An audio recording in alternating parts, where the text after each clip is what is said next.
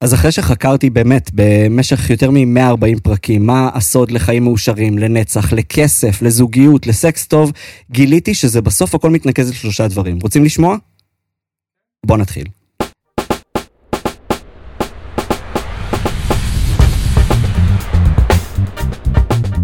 ברוכים הבאים וברוכות הבאות לפרק המאה ה-28 של פודקאסט וואי נאו, פודקאסט להתפתחות אישית וכלכלית עבור דור הוואי. וואי וואי וואי. אז כמו שאתם יודעים, מועדון וואי פלוס נמצא בשיאו, מחזור מאי, אה, עוד מעט עתיד להיגמר, ומחזור ספטמבר נפתח ממש ממש בקרוב. אז אה, לחבר'ה מכם שמעוניינים בתוכנית ליווי אישית וכלכלית לבניית התוכנית שלכם לחיים לשנה הקרובה, יש לכם כאן למטה את התיאור בלינק. את הלינק בתיאור. את הלינק בתיאור למטה. של הפרק. בפרק 128 אנחנו הולכים לראיין את שלומי חסטר. וואי וואי וואי. יוצר הפודקאסט Mindset, מרצה ומנהל למידה, איש מרתק, שאני יכולה להגיד לכם שרק מהשיחות המקדימות, אני כבר חיכיתי, שמעתי כל כך הרבה פרקים, האזנתי, למדתי, חקרתי, אה, ובאמת אני חושבת שזכינו אה, ששלומי. נמצא פה איתנו. אבל לפני שנצלול פנימה, חשוב שתכירו את דני גל, האיש באולפן שגורם לנו להרגיש בנוח באולפן, דניאל גל המפיק שלנו. שלום דניאל. אני רותם גולן, מאמנת אישית ועסקית, מרצה להתפתחות אישית וכלכלית, וכאן לצידי שי ביבס. שלום, אני שי, בן 30, אנליסט בחברת הייטק, משקיע, מרצה, ו-head of fun, פה בוויינאו. אני חייב להתחיל בסיפור, ברשותכם. סיפרתי את זה לשלומי בדרך לפה, אמרתי לו שפעם ראשונה אה, התוודעתי ל- לפודקאסט שלך, כשגרתי בארצות הברית, ב-2000 וכבר לא זוכר, 2019 אולי, 18, 20. אמ, והייתה לי איזה יום אחד נסיעה של 14 שעות מצ'רלסטון, דרום קרוליינה. אם אתם לא מכירים זה בסדר, הכל טוב, אף אחד לא מכיר חוץ ממני נראה לי ומי שגר שם. ולנשוויל, טנסי. נסיעה של 14 שעות. הייתי שבור מהעבודה, סיימתי יום עבודה בחמש בערב, דיברתי עם ידידה שלי שם, אמרתי לה, מה, מה את אומרת, אני עכשיו זורם אלייך, לוקח את האוטו, יוצא ל-14 שעות, אני היום חמש בערב ואני מגיע לך מחר בשבע בבוקר. אמרה לי, יאללה, בוא. אמרתי, טוב. אז אני יושב עם עצמי באוטו, איזה עשר דקות, טוב, למה אני מאזין? מה, שירים, שירים, שירים, שירים, די. היה עוד כמה פודקאסטים שכבר האזנתי להם, אמרתי, טוב, מה הבא, מה הבא? אה, Mindset, אוקיי, מגניב. לחצתי קליק על הפרק הראשון, 14 שעות ברצף, פשוט מנגן אחד אחרי השני, אחד אחרי השני. עכשיו, מה התחלף? הפרקים, וגם התחלף מה שהיה לי ביד. פעם זה היה המבורגר של Burger King, אחרי זה זה נהיה נאגץ, אחרי זה זה נהיה, כאילו כל פעם עצירה אחרת. אבל הפודקאסט, מאז, מאז, אני כאילו לא זוכר את עצמי לא מאזין למשהו שקשור בפודקאסט, לפרק מסוים בפודקאסט. זה כבר קנה את עולמי. הייתי בדיוק בשלב הזה של התפתחות אישית, ונורא נורא רציתי לשאוב, לשאוב, לשאוב. אני גם חושב שאנחנו בכלל בכללי, ואולי נדבר על זה, אנחנו גם בדור שלאו דווקא רק מח- מחפש לשאוב, אלא גם אנחנו, אנחנו נורא ביקורתיים ונורא פיקים למי אנחנו מקשיבים. ואני חושב שאני נורא אהבתי, לפחות מאיך שאתה נשמע, את, ה, את האקסטרה אותנטיות שלך. כאילו לפעמים אתה מרגיש שזה בן אדם שכאילו נורא רובוטי, בן אדם שנורא מקריא פסיקים ושורות. ואצלך זה נורא מרגיש שזה כאילו, זה כאילו אני יושב איתך ומדבר איתך פה על בירה. כאילו ככה, ככה אני לפחות הרגשתי. איזה כיף. כן, אז הייתי חייב לספר. בירה של 14 שעות. כן, וואי, הייתי גם הייתי שיכור. גדול, הייתי משלם כסף כדי לקבל קליפ של 60 שניות שלך כזה, כאילו, אתה יודע, כזה timelapse של איך זה נראה 14 שעות של להקשיב לפודקאסט שלי. אז. אנחנו רוצים להציג לכם את שלומי, ואנחנו נשמח לשמוע רגע, שלומי, מי אתה? תמיד שאלה קשה, נכון? כזה, מאיפה אני מתחיל? אני מרגיש שבעיקר אני עכשיו אבא לשלושה ילדים, נולד לי ילד לפני חודשיים, אז כאילו בסוף. הזיכרון לטווח קצר שלי בעיקר מזכיר לי שאני בעיקר אה, שוטף בקבוקים, מחליף חיתולים, מרים לגרפסים, זה הרבה מהעולם שלי עכשיו. קריב לגרפסי, אוף. אה, וזה גם לא במקרה, כי בסופו של דבר, אה, לפני שנה הגדרתי מה הערכים שלי ושמתי משפחה במקום הראשון, ואז בסוף, כשאתה רוצה לחיות לפי הערכים שלך, אתה צריך להבין שפעולות כמו להביא תינוק לעולם, זה לא הזמן שלך להגיד, טוב, אז זה הערכים שלי בכאילו, אני לא באמת הולך להשקיע את הזמן שלי. אבל המחויבות שלי לדבר הזה, להיות נוכח, לעזור למשפחה שלי בזמן הזה, להיות עם אשתי, לה- כאילו כמה שאני יכול להיות נוכח בתוך התהליך הזה, שזה ב- מצד אחד מרגש, מצד שני מתיש בצורה שלא דמיינתי. אה, זה בעיקר מה שמעסיק אותי. אז קודם כל זה מה שקורה איתי עכשיו. מעבר לזה אני יוצר פודקאסט שנקרא Mindset, רץ כבר חמש שנים, מעל 130 פרקים. אה, אני גם מרצה על תחומים של mindset, התפתחות אישית, פיתוח מנהלים. גם אה, עובד בעצם בחברת הייטק, שמה שאני עושה שם זה בעצם פיתוח למידה, training, knowledge, כל העולמות האלה בחברה גלובלית, אז ה scale הוא בדרך כלל לעבוד עם הרבה מאוד אנשים אה, בתהליכי הלמידה שלהם. ולא יודע, יותר מהכל, כאילו, אני אוהב ידע, קצת כמוכם, כאילו, אני... כאילו, העובדה שאתם אה, צורכים, כאילו, בסוף זה אותו דבר אצלי, אני כאילו, יש לי הנאה הזויה מללמוד דברים שלפעמים גם הם לא פרקטיים בעליל. אבל זה חלק ממי שאני, ובסוף אה, בעיניי זה אחד הדברים הכי כיפים שיש לדור שלנו, היכולת שלנו להיחשף לכל ידע, לכל בן אדם בעולם, מתי שבא לנו. זה מטורף. זה מטורף. זה באמת מטורף. וזה מוביל אותנו בדיוק לשאלה הבאה, איך הגעת באמת לעולם ההתפתחות האישית? כי יש את אלו שמגיעים מעולם של אה, קרה משהו ואיזשהו אירוע מכונן, ויש את אלו שסתם מתעניינים, כלומר, איך, איך בכלל נחשפת לעולם למה? אמרת ככה באמת? כי שמעתי אותך אומר את הסיפור הזה, אבל אז שיקרת, עכשיו פה תגיד את האמת. סבבה, אז, אז הסיפור, אה, קודם כל זה לא סיפור ליניארי, של אה, היה לי איזה אירוע אחד, אחד ספציפי, היו כמה תהליכים, אז אה, הכל התחיל בגיל 29, הגעתי, הייתי במשבר גיל 30, ואמרתי, אני חייב להתחיל לעשות מוזיקה אלקטרונית, עוד שנייה החיים שלי נגמרים, עכשיו אני רוצה לעשות משהו שרציתי לעשות כשהייתי צעיר. אז אמרתי, אבל אין לי זמן, כי אני גם סטודנט ואני גם עובד באיזה חברה, ואיך אני עכשיו אכניס את זה, אז מה, מה עושים? אז פתאום שמעתי על משהו כזה שנקרא ניהול זמן.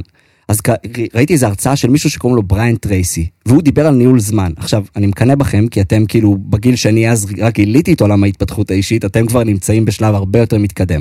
אני חושב שזה גם חלק מהכיף בסיפור שלי, בגיל 30 לגלות שהחיים רק התחילו, זה, זה חוויה כיפית בפני עצמה. אבל גיליתי שיש דבר כזה ניהול זמן.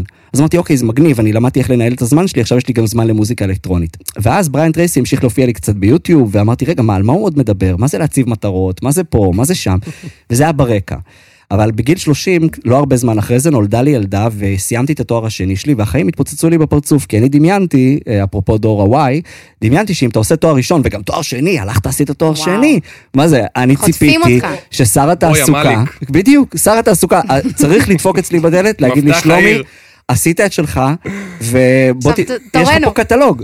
אתה יכול לבחור שכר, הטבות, כמה קרוב לבית, רחוק לבית. בקיצור, המציאות התפוצצה לי בפרצוף, כי גיליתי שאף אחד לא מחכה לי בזרועות פתוחות. שבע שנים מהחיים שלי הלכו לאוניברסיטה, והכל טוב, למדתי משם לא מעט דברים, אבל הייתי במין כאפת, אני בן 30, יש לי ילדה, אני עדיין מרוויח כמו סטודנט, אבל זה כבר לא מגניב, כי אני כבר לא סטודנט, אני כבר איש משפחה, יש לי ילדה, אבל אני מרוויח כמו סטודנט. ההבנה הזאתי, כולל לגור באחת השכונות הכי גרועות שהיו בפתח תקווה, אה, כאילו, כשאני אומר גרועות, אני מתכוון לגרועות, שכונה שאתם לא רוצים לגדל בה את הילדים שלכם, ולא, בטח לא תינוקת בת כמה חודשים, מרוויח לא כמו שאני רוצה, ולא מבין מה אני הולך לעשות עם החיים האלה. כאילו, איפה אני הולך לעבוד, למה למדתי. עכשיו, זאת נקודת שפל, כאילו, לבוא ולהגיד, אה, אוקיי, כאילו, לא, אני גיליתי את ההתפתחות האישית כי אה, התחלתי מסע יזמי, ואז הכל אצלי, אז כאילו, לא, זה היה נקודה. שלקח לי גם הרבה זמן להחליט שאני משתף אותה. אבל הנקודה הזאתי גרמה לי להבין דבר כזה. אני לא רוצה לחיות את החיים שלי כמו שחייתי אותם עד עכשיו, ואני לא רוצה לתת להיסטוריה שלי לכוון את איך שהעתיד שלי ייראה. אז מה אני יכול לעשות? והתפתחות אישית זה בדיוק מה שהבנתי שאני צריך לעשות, כי בעצם שאלתי את עצמי, איך נראים אנשים מצליחים? מה הם עושים? אז התחלתי לקרוא ספרים על מה עושים אנשים מצליחים, ו audiobooks, ופתאום פודקאסט, לפני שזה בכלל היה פופולרי, אבל הברית היה קצת את טים פריס, והיו עוד כמה, ופתאום, רגע, מי זה טוני רובינס, ומי זה בריין טרייסי, ומי זה ג'ים רון, והתחלתי כאילו להעמיס את עצמי בכל התכנים האלה, וקרה לי משהו, המוח שלי נפתח למין הבנה שכאילו, אפשר לחיות אחרת. עכשיו, באותו זמן לא האמנתי שדברים מסוימים אפשריים עבורי, כולל מחשבה שאז נראתה לי הזויה, הלוואי ויום אחד אני אוכל לתת מוטיבציה לאנשים אחרים. שזה היה בעיניי מחשבה סופר הזויה באותו זמן, אבל לשמחתי לא ביטלתי אותה במחשבה שהיא הזויה, אלא פשוט אמרתי מה אני עושה איתה. כאילו אני הייתי אומר שמה מה, מה הזרז שלי, מה הקטליסט שלי להתפתחות אישית, זה נקודה בחיים שבה הבנתי, אני לא מתכנן לחיות ככה יותר, אני חושב שאפשר לחיות שונה לחלוטין מאיך שחייתי עד עכשיו, בוא ניתן לזה צ'אנס. אז אני ממש ממש שמחה שאתה אומר את זה, כי אנחנו מקבלים לא מעט אה, פניות מחבר'ה שאומרים כאילו, סבבה, אתם אומרים, אתם כבר בתוך זה, אתם כבר עושים גם וגם, ואני כאילו, זו הסיטואציה שאני חי, כאילו, זו הסיטואציה שאני חיה בה, חיה בה, אין לי איך לשנות אותה, אני לא יכולה עכשיו אה, לעזוב את התואר באמצע, או לעזוב את העבודה, או להחזיר את הילד שלי כאילו לבטן. לא זה- צריך גם. אז הרגע הזה שאתה עשית את זה ואמרת, זה לא רגע, כמו שאמרת, איזשהו תהליך בתוך זה, אבל אני ממש שמחה ומודה לך על זה ששיתפת את זה, כי אני חושבת שהרגע הזה שאתה אומר, הבנתי מה היה עד כה ואני רוצה אחרת, עכשיו השאלה היא כבר באיך. והפרק המקדים אליך, באמת דיברנו על, ה, על המעבר הזה בין קורבן ליוצר, קורבן לאחראי, איך עושים בכלל את ה shifting הזה, בכלל, איך עושים בדיעבד ואיך עושים בזמן אמת, שזה דברים שמאוד קשה לייצר אותם, והיינו שמחים לשמוע ממך קצת גם, יש לך המון המון ידע, ואתה איש מדהים, עם המון המון, בכלל, תובנות ומחשבות. היי חבר'ה, אני הולך לאכזב את המאזין, אתם מרימים ומרימים. תודה, בקיצור, תודה. אז איך, עושים את זה, איך אתה חווית מהמרואיינים שלך את ה shifting הזה בחיים? כי אני חושבת שכן יש להרבה אנשים בעולם הזה את ה shifting, את הרגע הזה שאתה אומר, לא עוד, עכשיו אני רוצה אחרת. כן, אה, זה בא עם הרבה מחירים. כי במיוחד במציאות של היום, כל כך משתלם להיות קורבן. כאילו להגיד, אכלו לי, שתו לי, זה בואנה, דפקו נכון. אותי, הפלו אותי, אה, זה נגדי, אה, פיטרו, המציאות, הכלכלה, המלחמה. יש כל כך הרבה סיבות, וזה כזה מתגמל. א', כי מותר לנו להשתלח, נכון? כשאנחנו קורבנות, אני יכול להשתלח, אני נכון. קורבן בסיפור הזה, אני אשתלח במי שאני רוצה. נכון. ברשתות אחרות, אני אעשה שיימינג, אני אבייש כי דפקו אותי, כי אני הקורבן פה. ואין, כמעט אין אה, השלכות לזה שאתה קורבן, כאילו אף אחד לא אומר לך, היי, תירגע, זה לא הדרך. לא, מותר לנו, אנחנו מהללים קורבנות. עכשיו, אפרופו קורבנות, יש שילוב מסוכן, שאני אישית רואה אותו, לא הרבה, אבל זה שילוב מאוד מסוכן אה, בין, בין קורבנות לבין תחושת זכאות. כשקורבנות, מישהו דפק אותי, יחד עם, אבל מגיע לי משהו, זה אחד הדברים הכי מסוכנים שיכולים לקרות לאנשים, וזה בעיניי מפתח לדיכאון ולאובדן תקווה. כי כאילו, זה, זה פשוט מסלול להרס. אבל בוא לא, בוא לא נלך לשם, בוא נדבר נטו על הקורבנות. קורבנות זה mindset, בסופו של דבר. זה... מישהו עשה לי משהו, העולם עשה לי משהו. וקורבן אומר, תראו, יש גם קורבנות, כן? מישהו שדד אותך, אני לא יכול להגיד למישהו, זה ה mindset שלך. אוקיי? כאילו, לא, לא, כאילו, אני יכול להגיד, רגע, אולי הלכת בשכונה שלא היית צריך ללכת, בוא תלמד, אבל אה, יש גם מצבים שבהם אתה באמת קורבן, אוקיי? נכון. נהג שיכור פגע בך בתאונת דרכים, אתה קורבן. של, אתה קורבן של הנהג השני, זה לא ה mindset, אבל אה, מה החיים עשו לי, או ההורים שלי לא לימדו אותי, או ההורים שלי שרטו אותי, גדלתי או לא ככה, קיבל, גדלתי ככה, לא קיבלתי את. הצ'אנס, לא היה לנו כסף, לא לימדו אותי איך לעשות את... אם אני מחליט שזה הסיפור שמלווה את החיים שלי, אז זה הסיפור שילווה את החיים שלי, is simple as that. זאת אומרת, ההזדהות שלי עם מה שקרה, והחוסר נפרדות שלי מזה שזה קרה לי, אבל רגע, לי יש שליטה מסוימת על החיים שלי, ואני יכול להנהיג אותם, זה- אחד הדברים הכי מכוננים שיכולים לקרות לאנשים. עכשיו, הרבה אנשים, מה שקורה זה בסוף, כי קורבנות זה סוג של אמונה מקבילה, יש לנו סיפור שאנחנו מספרים לעצמנו, נכון? זה מה שההורים שלי אמרו לי, זה מה שעשו לי, וזה כאילו בסוף הסיפור הזה הוא אמונה, לי לא יהיה, אתם כבר עשיתם, כל המצליחים הם בטח גידלו אותם עם כפית של זהב, והוא גדל בשכונה טובה. יש מלא מלא סיבות, ולכן כשאנחנו בכלל מעזים לבקר את העובדה שאולי אני קורבן, אולי אני יכול לעשות משהו אחר עם החיים שלי, אני, המוח שלי, והמוח עושה את זה לא מכוונה רעה, המוח רוצה בסך הכל לשמור על הזהות שלי. בגלל זה הוא מזכיר לי, לא, אה, זה, זה, זה המציאות, נכון? יש את אלה שהם כבר עשו את זה, להם כבר יש פודקאסט, מלא מאזינים, יש להם מועדון כבר, קל להם עכשיו לדבר, כאילו הכל בטח היה להם קל לפני כן, ו, ו, ובסוף, אני כאילו בא ועושה צעד אחד ומשהו לא מצליח לי והמוח חוזר ישר לסיפורים שנוח לו לספר, אז אני כזה, למה אני אתאמץ? כאילו, זה לא יעבוד. ופה רוב האנשים בכלל לא, כאילו זה הרבה פעמים הם אפילו לא עוברים את המשוכה הראשונה, אוקיי? בן אדם שמן שרוצה לרזות ולשנות את הסגנון חיים שלו, עושה דיאטה, פתאום משהו מתפוצץ לו בחיים, הוא חוזר, מעלה במשקל, עזוב, זה לא בשבילי להיות רזה, הם נולדו רזים, הם תמיד היו לא רזים, זה. להם זה קל, אוכל לא מפתה אותם, אין להם, אני, החיים, מה לימדו אותי, והיה לי זה, וקרה לי ככה, אני תמיד אהיה שמן. שמן, סלאש עשיר, סלאש עני, סלאש חכם, סלאש עובד בהייטק. אני מקווה שכאילו זה מאוד ברור, אולי אני מדבר קצת מהר, אבל, אני מתה על זה. אבל בסוף, זה- ו- ו- ו- וזה זה. עכשיו, רוצים לדעת אם אתם במנטליות של קורבן? כל פעם שאתם מאשימים את הסביבה החיצונית שלכם, ואני אהיה קיצוני, על כל דבר, אוקיי? הבת זוג שלך דיברה אליך בקטע לא טוב, ואתה מאשים אותה, לא, זה אתה. המשכורת שלך, זה אתה. הזוגיות שלך, זה את. הכושר שלך, זה את. ברגע שאנחנו מסוגלים להגיד, הכל אני, זה הרגע הראשון שבו אנחנו יכולים להתחיל לעשות משהו אחר. כל עוד אנחנו נמצאים במצב שבו משהו בעולם החיצוני עשה לנו את זה, אין לנו שום סיכוי להחליט שמשהו מבפנים יכול לייצר שינוי. כי אין לי שליטה. אין, ברור, כי בדיוק. השליטה היא לא שלי. נכון? מישהו עשה לי. קל, זה פשוט כל כך קל באמת לשבת ולהיות קורבן. לשבת מול הטלוויזיה ולעשות "הנה, באשמתו, באשמתו, באשמתו, כי זה גם קל, וגם הסביבה מקדשת את זה באיזשהו מקום. נכון. כולם קורבנות, וזה כולם רגילים, וכולם אכלו לי, שתו לי, ובגלל זה זה גם כל כך כל כך קל, כאילו להיות חלק, וגם כשאתה רוצה לעשות שינוי, אז אתה אומר, אבל, אבל עדיין כולם קורבנות, זה כל כך קשה, אנחנו מדברים על חשיבותה של סביבה בתהליך התפתחות, וכמה הסביבה היא סופר סופר קריטית לדברים שהם ארוכי טווח, ופתאום אתה אומר, טוב, אז אני לא קורבן, הנה, אני מתחיל לעבוד עם עצמי. אבל עדיין כולם מסביבך קורבנות, ואז זה בדיוק חוזר הדבר הזה של השמן שהתחיל להרזות, ואז הבין שלא, ואז אמר, טוב, בוא, נחזור חזרה. כן, כן. או מה אתה עושה דיאטה, יא שמן? כן. נכון? הרי הסביבה שלנו יכולה גם להיות אה, מדכאת. אני התחלתי את נכון. הפודקאסט שלי, אנשים לא הכירו ב-2018 פודקאסטים יותר מדי, ואמרו לי, אבל מישהו יקשיב לזה? למה אתה בכלל עושה את זה? מה זה, זה שעה שלמה שאין מוזיקה? מה זה? לא מוזיקה. הבנתי, לא לא מבין, לא מבין. בזבוז זמן, על מה אתה מבזבז את כן, הזמן שלך? אבל החלק, החלק הכי כיפי בהתמדה, בכל דבר, זה שבסוף אותם אנשים בהתחלה יבואו ויגידו לך, תקשיב אחי, אתה לא מבין, ישבתי בשישי במשפחה שלי, בן דוד שלי, הוא לא מפסיק לשמוע את הפודקאסט שלך, ואה, גם אתה מכיר אותו, וכאילו, יש כל מיני דברים כאלה שאותם אנשים שבהתחלה אמרו לך מה, ופה ושם, פתאום הם הופכים להיות האדבוקייט שלך, וכשזה פתאום מצליח אתה כזה... אה, אוקיי, אה, בטח, ברור, תמכנו מההתחלה, ברור שאמרנו לך שזה הולך להיות גדול. אז יש משהו מאוד מצחיק בתהליך של התמדה, בכל דבר.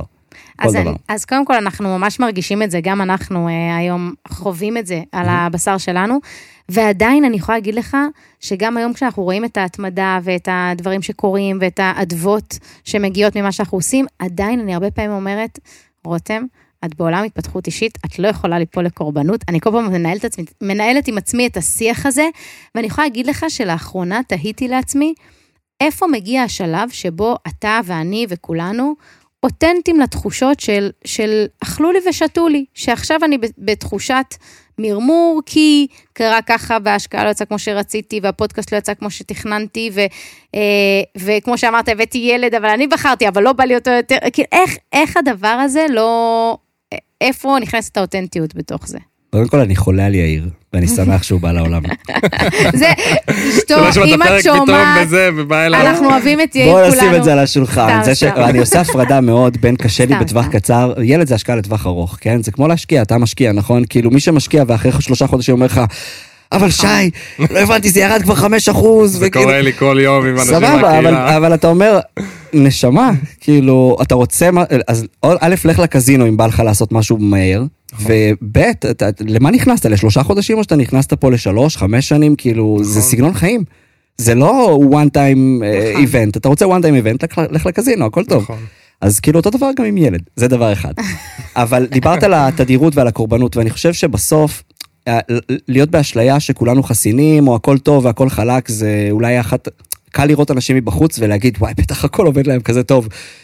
אה, אחד הדברים שגיליתי בפודקאסט זה שכולם סובלים מאותם כשלים פסיכולוגיים, קשיים רגשיים, יכולות בין אישיות, כאילו פיתוח סקילים. בסוף כשאתה רואה אנשים, ואתה אומר בואנה, אבל היא fucking טייסת F15, כאילו, אתה קולט שכאילו וואלה, גם לה יש את התסמונת המתחזה. נכון. הזיה. אבל אז אתה בסוף מבין שכולנו בנויים אותו דבר. ההבדל הוא כמה מהר אנחנו מתאוששים, אוקיי? גם אני, אין בעיה, מחשבות קורבניות, כאילו, בטח כשקשה, זה בסדר. יש, כאילו, למוח כנראה יש מנגנון הגנה כלשהו שעוזר לו לווסת את הדבר הזה. השאלה היא כמה זמן אנחנו מבלים במשקפיים האלה. כשאני נופל למחשבה קורבנית, או לאיזה מין הלך רוח כזה מבאס, כמה זמן אני נמצא שם? אם אני נמצא שם כמה ימים, לא טוב, אוקיי? זה יכול לקרות, אני, אני יכול לדבר על עצמי, אבל לא טוב. כי בעצם, באיזשהו שלב, כן אני מצפה שתהיה לי את המודעות לבוא ולהגיד, אתה חייב לעשות איזשהו תרגיל עם עצמך, לצאת להליכה של שעה וחצי ולפרק את כל המחשבות שכרגע נראות לך תאומיות, כי ברוב הזמן אף אחד לא לקח לנו מישהו מהבני משפחה, אף אחד לא אמר לנו שאנחנו חס וחלילה חולים במחלה סובלנית. רוב הדברים הם כל כך פרופורציות. בוא נירגע, בוא נפרק את זה, אפשר להתגבר על זה. אז אני לא חושב שהבעיה אם את נופלת מדי פעם למחשבה קורבנית, כי אין, אין לזה מגניטוד, אלא כמה מהר את מתאוששת. זה בעיניי. גם עניין של אה. מודעות, לפעמים אתה לא מודע בכלל שאתה קורבן. כאילו, זה כבר כל כך במערכת שלך, שאתה רגיל להיות קורבן, שעצם זה שאתה אומר, אני רוצה להיות מודע רגע ולהבין כמה זמן לקח לי. לצאת מזה, זה כבר שלב מטורף בלבוא ולהגיד, אני מודע לזה שכרגע אני חווה תחושת קורבנות, ואז אתה באמת מתחיל לנסות ולהבין כמה זמן לוקח לי לצאת מזה.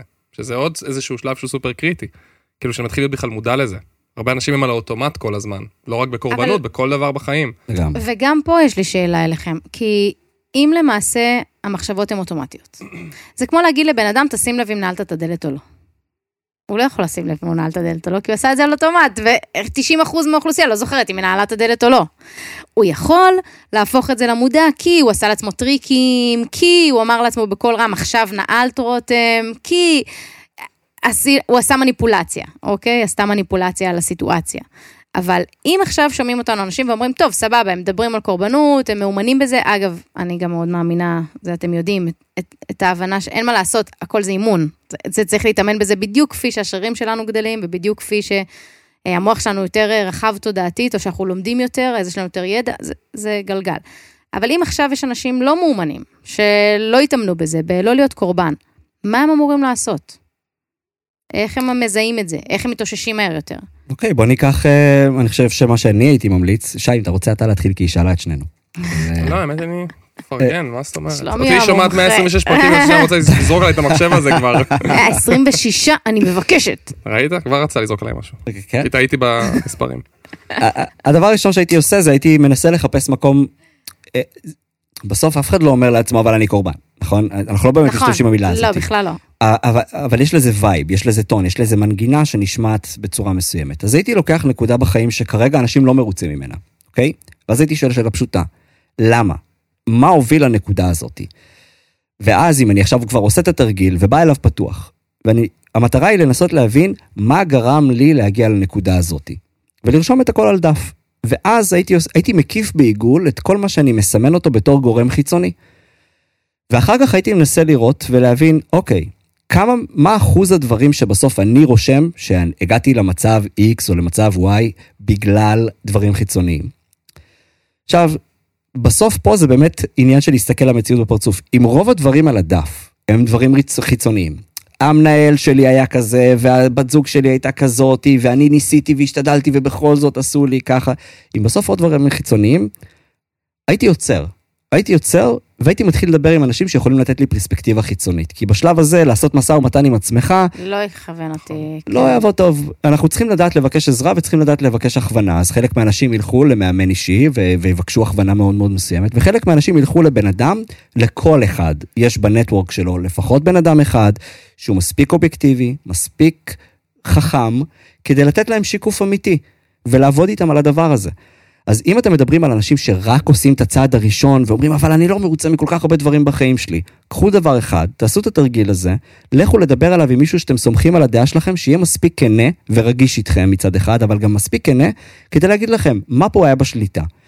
אני חושב שלא צריך הצלחות אדירות כדי להתחיל לייצר פריצת דרך ושינוי, כי ברגע שעושים שינוי בדבר אחד, גילית שפה החזקת ב mindset של קורבן, את כל השליטה שלך נתת בעצם לכל העולם חוץ מלעצמך, ובעצם במקום להיות המנהיג של חייך, או של חייך, החלטת שאתה פשוט תהיה הקורבן של הנסיבות. אז אני חושב שמספיקה הצלחה אחת, דרך אחת להבין איך אני מחזיר יותר ויותר מהשליטה אליי, כדי לפתוח את אותו דבר שקראת לו מקודם, מודעות, כדי להתחיל את הצעד הראשון בלזהות את הדבר הזה. זה, זה גם. נראה לי, זה לא איזה תרגיל מורכב, נראה לי שכל אחד יכול לעשות אותו, לא תרגיל המרה שאנחנו עושים במועדון. אני חושבת שזה ואת משהו זה מאוד למדתי מכם, חזק. זה התרגיל המרה שאתם עושים במועדון. זה בדיוק אותה שים את זה מתודולוגיה, בהתחלה. אותה מתודולוגיה שאתם משתמשים בה, זה מה שאני אה, משתמש בו פה בדוגמה הזו. אז אני חושבת שזה זה מהמם, כי אתה אומר, בוא נפרק רגע, ניקח את המחשבות, נפרק אותן, ונבין ממש, ממש נסמן בעיגול מה היה, לכתוב אותם על דף. כן, ממש לכתוב מה היה קשור אליי, ומה היה ממני והלאה, מה נתתי אה, אחריות חיצונית. לדבר באמת. גם שווה להדגיש את זה, כי יוצא לנו הרבה מאוד פעמים שאנחנו מדברים בעיקר בעולם ההתפתחותי על פרקטיקה לאיך לפרק משהו, או איך להתחיל ליישם משהו, אז אנחנו, חלק מהדברים, הרבה מאוד דברים של התפתחות אישית הולך על ידי, כתבו את זה על דף. יש לכם מטרות? לא, יש לי מטרה כזאת. תכתוב את זה על דף. כן. והרבה מאוד פעמים שאנשים גם פונים אלינו בפרקים, אומרים, אה, שמעתי את הפרק, וואי, מגניב, כן, חשבתי על כמה מטרות. רגע, כתבת את זה? אמרנו לכתוב את זה. לא, אתה יודע, מעכשיו נפתח מחברת, אני אכתוב. עכשיו, יש פה חשיבות, כאילו, זה בדיוק הקפיץ לי את זה, כי יצא לי לדבר כבר עם לא מעט חבר'ה, שהם כאילו שומעים את זה, ואתה יודע, אתה יודע, בעולם הכלכלי, בגלל שאנחנו גם אישי גם כלכלי, אז אני חווה מאנשים בעולם הכלכלי שנורא קל להם לפתוח אקסל ולחשב מספרים, אבל כשאנחנו מבקשים או מציעים לעשות את זה בצד של ההתפתחות האישית, תפתחו דף, תרשמו את הפחדים. אתם בחרדה, שנייה תעצרו, תנשמו, תרשמו למה, אנחנו, למה אתם מרגישים מה שאתם מרגישים. אנשים לא עושים את זה. וכאילו, אנחנו מנסים להסביר כמה זה סופר סופר קריטי, אפילו יותר מהעולם הכלכלי, הרי כלכלי, ההתפתחות הכלכלית, אנחנו תמיד אומרים שהיא תולדה של התפתחות אישית. ה- היכולת להתפתח כלכלית, הבסיס שלה, השורשים שלהם, הם אישיים, שזה הם אפשרי מנטליות. עבורי. לגמרי. ואנשים לא מבינים את החשיבות של זה, זה כל כך קריטי באמת לפתוח דף ולרשום את זה. ההרגל הכי טוב שפיתחתי, הכי טוב, without a doubt, זה כתיבה ביומן. כתיבה ביומן, כי שם הכל נכנס. מטרות, שאיפות, חזון, וחוזר חלילה, מטרות להיום, מטרות לשבוע, מה אני מרגיש. א', אתה מבין רגע איך המוח שלך עובד, ולאורך זמן אתה מבין איך המוח שלך עובד לתקופה ארוכה מאוד. ואני חושב שכאילו בסוף, כאילו, כאילו השלב הבא שלי זה לסרוק הכל, להעלות אותו ל-AI ולהבין רגע איך, ה mindset שלי מי נראה. אני? איך ה mindset שלי? תמפה לי. אני, שנה שעברה, לקראת סוף השנה בדצמבר, פתחתי את היומן של כל השנה וסרקתי. מה הדפוסים שאני מזהה? איפה אני כושל במחשבה שלי? מה מוריד אותי? מה מעלה אותי? זה מטורף. איזה כיף זה היה. כאילו פתאום הבנתי, בואנה, אלה הדברים שהופכים אותי ל super power שלי, כאילו ל zone שלי, אם אני קם בשעה הזאתי, וככה נראית השגרה שלי, וככה אני עושה בכל שבוע. לעומת מצבים שבהם אני לא כותב, או פתאום אני, אלה סגנון המחשבות, זה מדהים. אבל אתה יודע, 2% מהאוכלוסייה כותבים מטרות אישיות, שהן לא קשורות לעבודה שלהם. בעבודה לפעמים מחייבים אותנו לכתוב מטרות. 2% מהאוכלוסייה. עכשיו, כל האנשים שמקשיבים לפרק הזה, הם כולם אנשים שיש להם מכנה משותף, הם רוצים לצ- לצמוח ולהתפתח. איך אפשר להבין? אז יכול להיות שהסטטיסטיקה במאזינים האלה, ואני מניח שהיא יותר גבוהה, וכאילו האחוז של המאזינים שלכם שכותב מטרות בצורה ברורה, הוא כנראה גבוה יותר. אבל בכל האוכלוסייה 2 אחוז. אז אנשים יכולים להתלונן על החיים שלהם, כמו שאתה אומר, עד מחר ומחרתיים, ובסופו של דבר, אם אתה לא מוכן לעשות את מה ש-2 אחוז מהאוכלוסייה עושים, שזה לכתוב מטרות, למי אתה בא בטענות? תעשה את מה שאנשים מצליחים עושים, ותכתוב מטרות. So simple. למי הם באים בטענות? לכולם מסביב.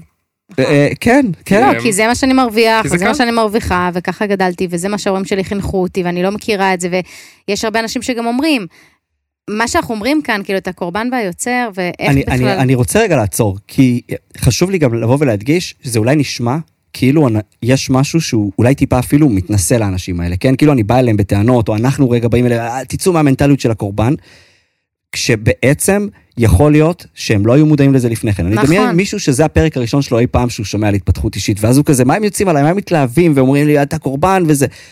ואני אני חושב שנבוא גם אנחנו רגע באמת ממקום סופר מבין, כי המציאות היא fucking קשה. נכון. ו- ו- ואני לא בא בטענות לאף בן אדם שיכול לחוות את התחושה של משהו במציאות דפק אותי, כן? יש פה קורונה, יש פה משברים כלכליים, יש פה מלחמות. זה קל להיות קורבן, אני גם מבין אנשים שנמצאים במצב הזה, ואני באמת, אם יש משהו אחד שאני רוצה להגיד מהלב, זה בסדר אם אתם במצב הזה, זה בסדר אם זיהיתם משהו כזה, וזאת הזכות שלכם להחליט שאתם יוצאים גם מהמצב הזה. כי לא הייתי רוצה שייווצר מצב שאנחנו פה עברנו את השלב ויודעים, והמאזין הוא זה שלא יודע. מאוד חשוב לי להיות במקום שאני באמת מבין ללב של מאזין שנמצא במצב הזה. כן. ואני גם רוצה שהם ידעו שהם יכולים לקבל החלטה לעשות דברים אחרת. אם זאת הפעם הראשונה ששמעתם אי פעם את התוכן הזה, הלב שלי איתכם. תעשו את הצעד. אז זה ריגש גם- אותי ממש, מה כאילו גם ששלומי חשוב אמר להגיד, עכשיו. גם אני חווה את ה... לפעמים תחושת קורבנות, כאילו גם אני שם. זה בדיוק מה. שפתחתי ואמרתי בהתחלה. זהו, כאילו, יש לנו את הימים שאנחנו לפעמים בוכים אחד לשנייה, לא, אנחנו לא יכולים, גם זה וגם זה וגם. זה, והזוגיות וזה, כן, ואז- אנחנו חווים את זה. וגם לנו הרבה מאוד פעמים, למה פתחתי ואמרתי את זה? כי אמרתי בהתחלה, מה קורה עם אותם אנשים שפוגשים את זה פעם ראשונה בגיל 40, פוגשים את זה פעם ראשונה בגיל 50, כן. פוגשים את זה פעם ראשונה אחרי שהם כבר הקימו משפחה וילדים, והם מרגישים שהם כאילו, מה קרה פה בחיים האלה, זה לא מה שתכננתי. ואני הרבה פעמים מספרת שזה, הרבה, הרבה מהסביבה שלי, אני כאילו חיה את זה, את הקורבנות במשך הרבה מאוד שנים. אה, לא, לא זה נגיד חלק גם שמות. מהמקום, כאילו, אבל- ש- שלנו בתוך הדבר הזה. והתרגלתי גם לד... להבין שהשפה הזו היא שפה שפשוט, זה מה שהם ידעו, זה, זה מה שהם הכירו, הם לא הכירו שיש את האופציה לקחת אה, אחריות, ואני הרבה פעמים אומרת גם בקול רם, זה מה שהיא ידעה, כאילו, זה מה שהוא ידע שאפשר לעשות. הוא, הוא לא ידע אחרת, ובגלל זה כשאמרת, מה קורה עם אלה שבאמת נחשפים לזה פעם ראשונה, או פעם ראשונה שנייה מבינים שלא הבוס אשם בשכר, ולא ה, אה, הקורונה אשמה בזה שהמצב הכלכלי בעסק לא מצליח, ולא האישה ש...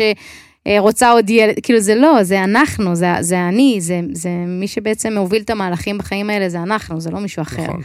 אה, ונראה לי שההבנה הזו, ולכן התחלתי ואמרתי, מה קורה עם האותנטיות באותו רגע של פשוט להיות בזה רגע, ברגע הזה שקשה לי, עצוב לי, מעצבן לי, ואמרת יפה, כמה זמן לוקח לי להתאושש אה, בתוך המצב הזה, כמה זמן לוקח לי לתפוס שאני במצב הזה, ולהגיד, אוקיי, נתתי לעצמי, יופי רותם, איזה כיף שנתת לעצמך כן. לבכות, איזה כיף שיצאת על שי ובכית, איזה כיף שעשית את כל הדברים האלה, יופי, פרקת. יכול להיות שגם את זה הייתי צריכה. אה, בשביל שנייה לעצור ולהגיד, אוקיי, עכשיו מה? עכשיו איך כן? לאן אני רוצה להגיע? מה אני רוצה ליצור? מה הדבר הבא? אז אם אתם גם באמת נמצאים בשלב הזה גם לרגעים או לימים, זה נורמטיבי, השאלה רק באמת איך תופסים את זה, אה, בלי לשים לב שלא תעבור שנה, או... מספיק שהם שמעו את. הפרק הזה עכשיו, והם פתאום אמרו לעצמם, יואו, נכון, אני באמת מתנהג ככה.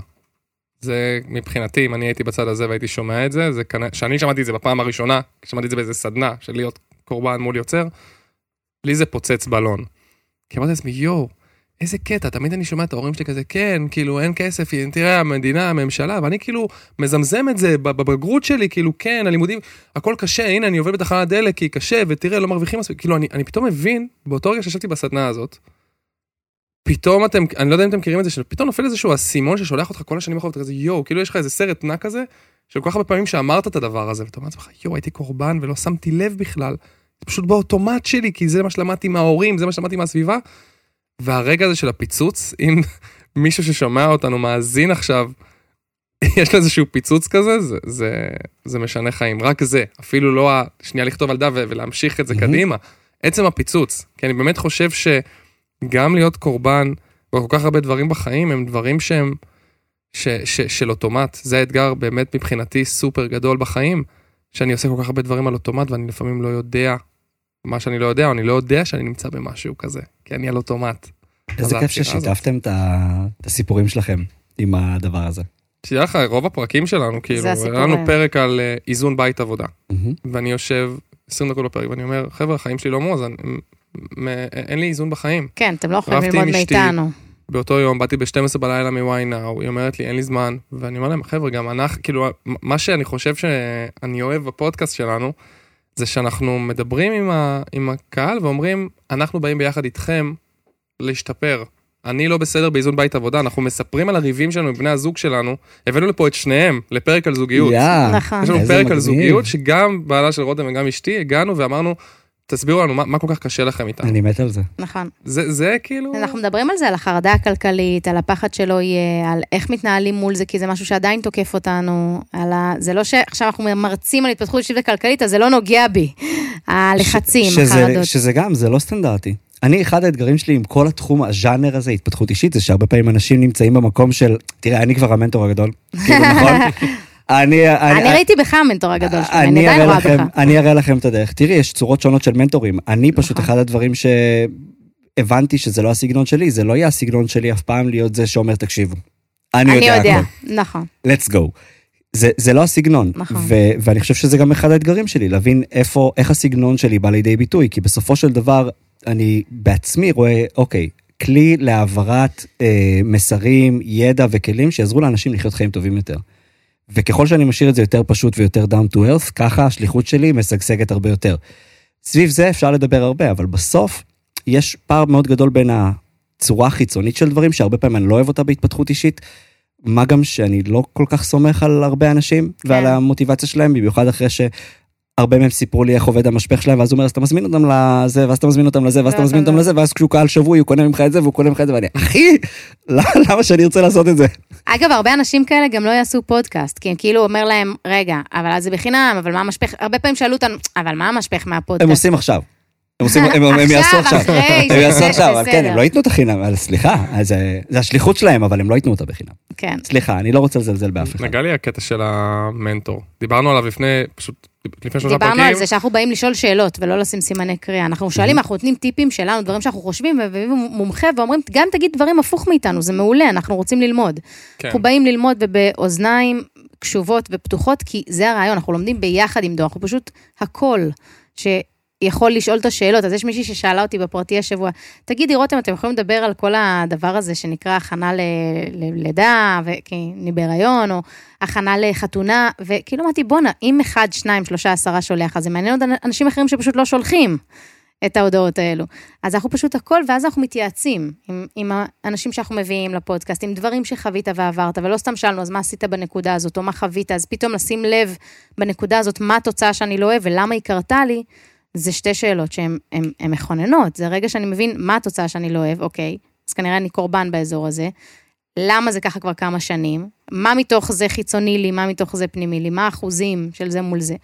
אלה דברים שאתה מבין, נתת פה כלי שאני מבחינתי אומרת, בואנה, זה יכול לשנות לבן אדם את החיים. באמת. נכון. ובעיניי זה משהו שהוא מאוד מאוד אה, מרגש אה, לשמוע אותו ולראות אותו, ולראות שאתה נותן את זה, ואהבה. את, ה- את, ה- את הכלים ואת המחשבה הזאת, לאיך אפשר לחיות באמת חיים מאושרים ובריאים יותר. אז גם כשאנחנו מדברים הרבה על מנטורים, זה, זה הרבה פעמים מבלבל. כי אנחנו מדברים על זה שזה מצד אחד לא להגיד את הסימני קריאה 1, 2, 3, 4, מצד שני, אנחנו עושים 1, 2, 3, 4, הנה, תפתח את זה, תכתוב את זה, תעשה את ה... צריך לתרגם דברים לאנשים. בסוף, נכון. אה, כאילו, אי אפשר לדבר לקהל בלי לתת לו שנייה את הדבר שיגרום לו ללחוץ, נכון? כאילו, אנחנו רואים את זה עם thumbnails ב- ביוטיוב ועם כל דבר כזה. בסוף אתה נכון. צריך שהעטיפה החיצונית תפנה לאנשים. אתה צריך לעשות, לא אקרא לזה מניפולציה, אבל אתה צריך לעשות את התרגום הנכון לקהל, עוד לפני שהוא יודע שמה שיש פה זה בעל ערך. אז אני חושב שלהגיד ארבעה שלבים ל... זה פשוט הדרך שלכם להגיד, כאילו, נכון, אתה רוצה טמפלט? יש לי טמפלט, אה, תבוא, תבוא, תבוא, תבוא. אבל בסוף, אם התוכן טוב, אז כאילו, בסדר, ארבעה שלבים, שבעה שלבים, לא היו שלבים, אבל שינית לי משהו. אז אני חושב שמה שאתם עושים זה מאוד מאוד נכון, כי אתם מזהים שאנשים אוהבים סדר, אוהבים טמפלטים, כן אוהבים סימני קריאה. ונראה לי שאתם גם עושים את זה, אתם עושים את זה בצורה, אני כאילו למדתי עכשיו מכם איך אתם עושים את זה, ואתם עושים את זה בצורה נפלאה. מה אנשים צריכים, מה הם מבקשים, מי נוכל להביא שידבר על זה, זה כיף, אבל אנחנו מתחילים לדבר על הפודקאסט שלכם אוקיי. כזה, ואני לומד אנחנו- מכם, עוד מעט אני אתחיל לשאול איך עובד התהליך הפקה. אז זהו, אז שאלה אחרונה לסיום, כן. שממש חשוב לי אה, לשאול, ואנחנו שואלים את זה הרבה. עכשיו שומעים את הפרק ושואלים, אוקיי, אז במבט לאחור, כשאתה מסתכל 10-15 שנים אחורה, מה לדעתך הטיפ, אה, המשהו שהיית רוצה להגיד למאזינים, תשמעו, זה היה משהו שהיה מאוד משמעותי עבורי ושינה לי את החיים, או הייתי רוצה לתת אותו לעצמי לפני 10-15 שנה. וואו, תמיד שאלה שמעניינת, זה כזה מסע בזמן, נכון? זה יוצר פרדוקסים. אבל אני חושב שהייתי דוחף את עצמי לעשות דברים שאני מספר לעצמי שאני לא אמור לעשות. הייתי דוחף, ממש דוחף את עצמי לעשות דברים ואומר לעצמי, תעשה את כל מה שאתה חולם וחושב שאתה לא תהיה בו טוב. עכשיו. עם, עם אקדח לרקה תעשה את זה. זה מה שהייתי עושה, כי בסוף, כל מה שעוצר אותנו זה הסיפור שאנחנו מספרים לעצמנו למה אנחנו יכולים ומה אנחנו לא יכולים. אני לא בא לשכנע אף אחד שהוא יכול להיות אסטרונאוט בשנה הבאה, אני כן בא לשכנע אנשים שהם יכולים לייצר שינוי מטורף בחיים שלהם בשלוש שנים. הרבה פעמים אנחנו נוטים לזלזל בשיפור של 20% באיכות החיים שלנו. "אה, מה זה 20%? אני רוצה מהפך של 180, היי, אני רוצה טירוף. אבל 20 אחוז, שנה אחרי שנה אחרי שנה, אתה מתחיל להיות אחד, אחד האנשים שמתחילים להפריד את עצמם מהיתר, אתה מתחיל להיות זה שחושב אחרת, זה שמתקדם מהר יותר, זה שמשגשג, זה שמרוויח יותר, זה שמצליח לייצר יותר קשרים, יותר הזדמנויות, יותר תוכן, whatever. אנחנו, קשה לנו לחשוב במונחים של שלוש עד חמש שנים. קל לנו להגיד, זאת המטרה שלי לשנה. מטרות של שלוש עד חמש שנים, ולהתחיל לעשות צעדים אינקרמנטליים עכשיו לחלום שאתם מספרים לעצמכם שהוא לא שלכם, זה אולי הדבר היחיד שהייתי אומר לעצמי לעשות הרבה לפני. הרבה הרבה לפני. יואו, איך אני שמחה ששלומי היה פה. באמת. אתם אומרים את זה לכולם. שמעתי את כל הפרקים. לכולם אתם אומרים את זה. לא לכולם, גם תודה וזה. אבל uh, אני באמת חושבת שיש בך איזשהו קסם שאמרתי לך, זה השילוב של האותנטיות, יחד עם כן התובנות, ועברת הרבה מאוד דברים בשנים האלו, ורואים את זה, ושומעים את זה, ואתה חי את זה, ורואים את השליחות בעיניים שלך, וכיף לדבר איתך, ואת ה- ממש. את החיוך ואת האווירה, ואני יכולה להגיד שאתם לא רואים, אלא אם כן אתם ביוטיוב. אה, אתם לא רואים, אבל אה, יש משהו ב... כאילו אני פה ואני כבר שלווה יותר איתך. איזה כיף. כבר, כבר, כבר יותר טוב לי, וזה דבר שלא נראה לי אמרתי אי פעם למרואיין. אה, וזה נראה לי... דווקא הרגשתי שהייתי intense ב... טוב, זה כי זה ה vibe שלנו גם. לי זה גם הרגיש אנחנו- כאילו לא, אבל לי זה, כמו שאמרתי לך לפני זה, זה הרגיש לי באוטו שאני מרגיש כאילו אני יושב איתך לבירה. אתה אז ממש עכשיו שאני כמונו. פה, אז רק חסר הבירה. האמת היא שאני מאוד, אה, כאילו היה משהו ב feel שלכם, יש משהו ב feel שלכם שאני באמת, באמת באמת אוהב. כאילו, בין אה, אנחנו יודעים מספיק כדי להראות את הדרך, לבין אה, אנחנו לא יודעים הכל, ולכן אנחנו שומרים פה על איזושהי רמה של בוא נלמד ביחד, שזה משהו שאני מאוד מזדהה איתו, זה גם איפשהו התפיסה שלי של, אני, לא- אני לא יודע כלום, אבל היי, אני חושב שאני יכול לשאול כמה שאלות טובות כדי לעזור להראות את הדרך. יש, לא דיברנו על להיות יוצרים, דיברנו על קורבנות, דיברנו על איך לצאת מזה, לא דיברנו על להיות יוצרים. אבל אני כן יכול להפנות אנשים לפרק שעשיתי על מה שנקרא מנהיגות עצמית, ושם בפודקאסט שלי, אם תחפשו Mindset, מנהיגות עצמית, יש פרק שלם שמדבר על, בדיוק על הטוויסט הזה. אז כאילו, אם יש משהו אחד שאני יכול לתת לאנשים עוד אקסטרה. ותשמעו. את זה, כי בסוף הצד השני של קורבנות זה מנהיגות עצמית. וזה צעד לא פשוט לעשות בחיים, אבל בסוף לדעת שאתה מנווט הרבה חלקים גדולים מאוד בחיים שלך, לפחות מה שבשליטה שלך, שלך, זהו, אני חושב שזו אחת הפריבילגיות שיכולות להיות לנו בעולם כזה כאוטי, כזה אינסטנט, כזה מטורף. לדעת שיש לנו את ה center הזה, את היכולת לנווט את לאן אנחנו נלך, את מי אנחנו רוצים להיות, זאת המתנה הכי גדולה שאנחנו יכולים לתת לעצמנו. מדהים. אני מסכימה עם כל מילה, ואני רוצה להגיד לך תודה. תודה לכם. אנחנו uh, רוצים להגיד שנהנינו מאוד, ותודה לכם, תודה שבחרתם להקדיש זמן לעצמכם ולהאזין לפודקאסט why now. תיכנסו, נשים לכם למטה את הלינק לפרקים יחד עם שלומי, uh, ל Mindset בכלל באופן כללי שתוכלו לראות, וגם לפרק הספציפי הזה, מנהיגות עצמית, פרק הגזמת. הגזמתי, סליחה, אה, הגזמתי. אה, מנהיגות עצמית יהיה למטה, הוא יודע פשוט לזרוק לי... כאילו זה 102. זה הגג שלנו, הוא יודע, הוא יודע, אני לא. אה, אז כן, אז נשים לכם את זה פה למטה בתיאור. תוקירו את עצמכם על זה שהחלטתם לפתח את עצמכם אישית וכלכלית. אם אהבתם את הפרק, שתפו אותו עם אדם אחד שאתם מכירים ואוהבים. צלמו. מסך כשאתם מאזינים לפרק, תייגו אותנו, why now פודקאסט, או בפייסבוק why now, כי רק בעזרתכם נצליח לגדול ולהיות משמעותיים עבור הדור שלנו. אמן. ונגיע יחד לכמה שיותר בני ובנות דור ה-Y. כן יהי רצון. ותמיד זכרו, שי, why now? כי אין זמן טוב מעכשיו להתקדם לעבר החיים שאתם באמת רוצים לעצמכם. ועכשיו, שיר. Yeah. Let's go. We just gotta go hard. Uh.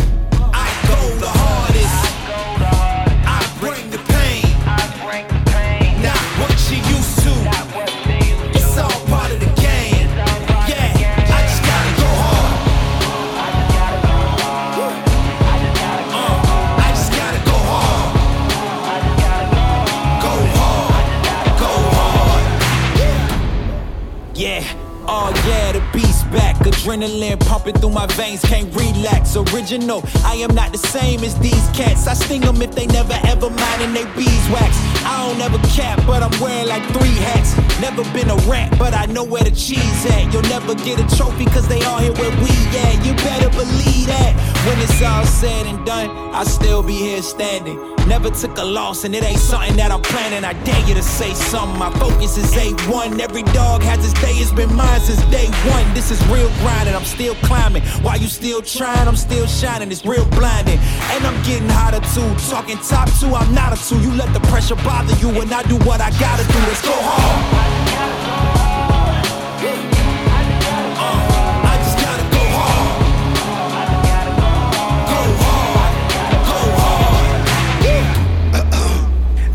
They close to me. Flow is on atomic, I'm starting fires through poetry. The heart is out, staying loyal, no falling out. And if you step into the court, be ready, we balling out. Yeah, the coldest of teens, they know what we bring, don't try us. Ain't no in between, we go for these dreams in silence. Hard work, don't mistake it for magic. We been shooting in the gym, this is target and practice. Yeah, yeah, yeah. And I'm just getting started, getting feet wet. It's all in repetition, ain't a secret. All facts, all black dress code. Pay me my respect, collecting every debt. I Oh, the hardest. I bring the pain. Not what you used to. It's all part of the game.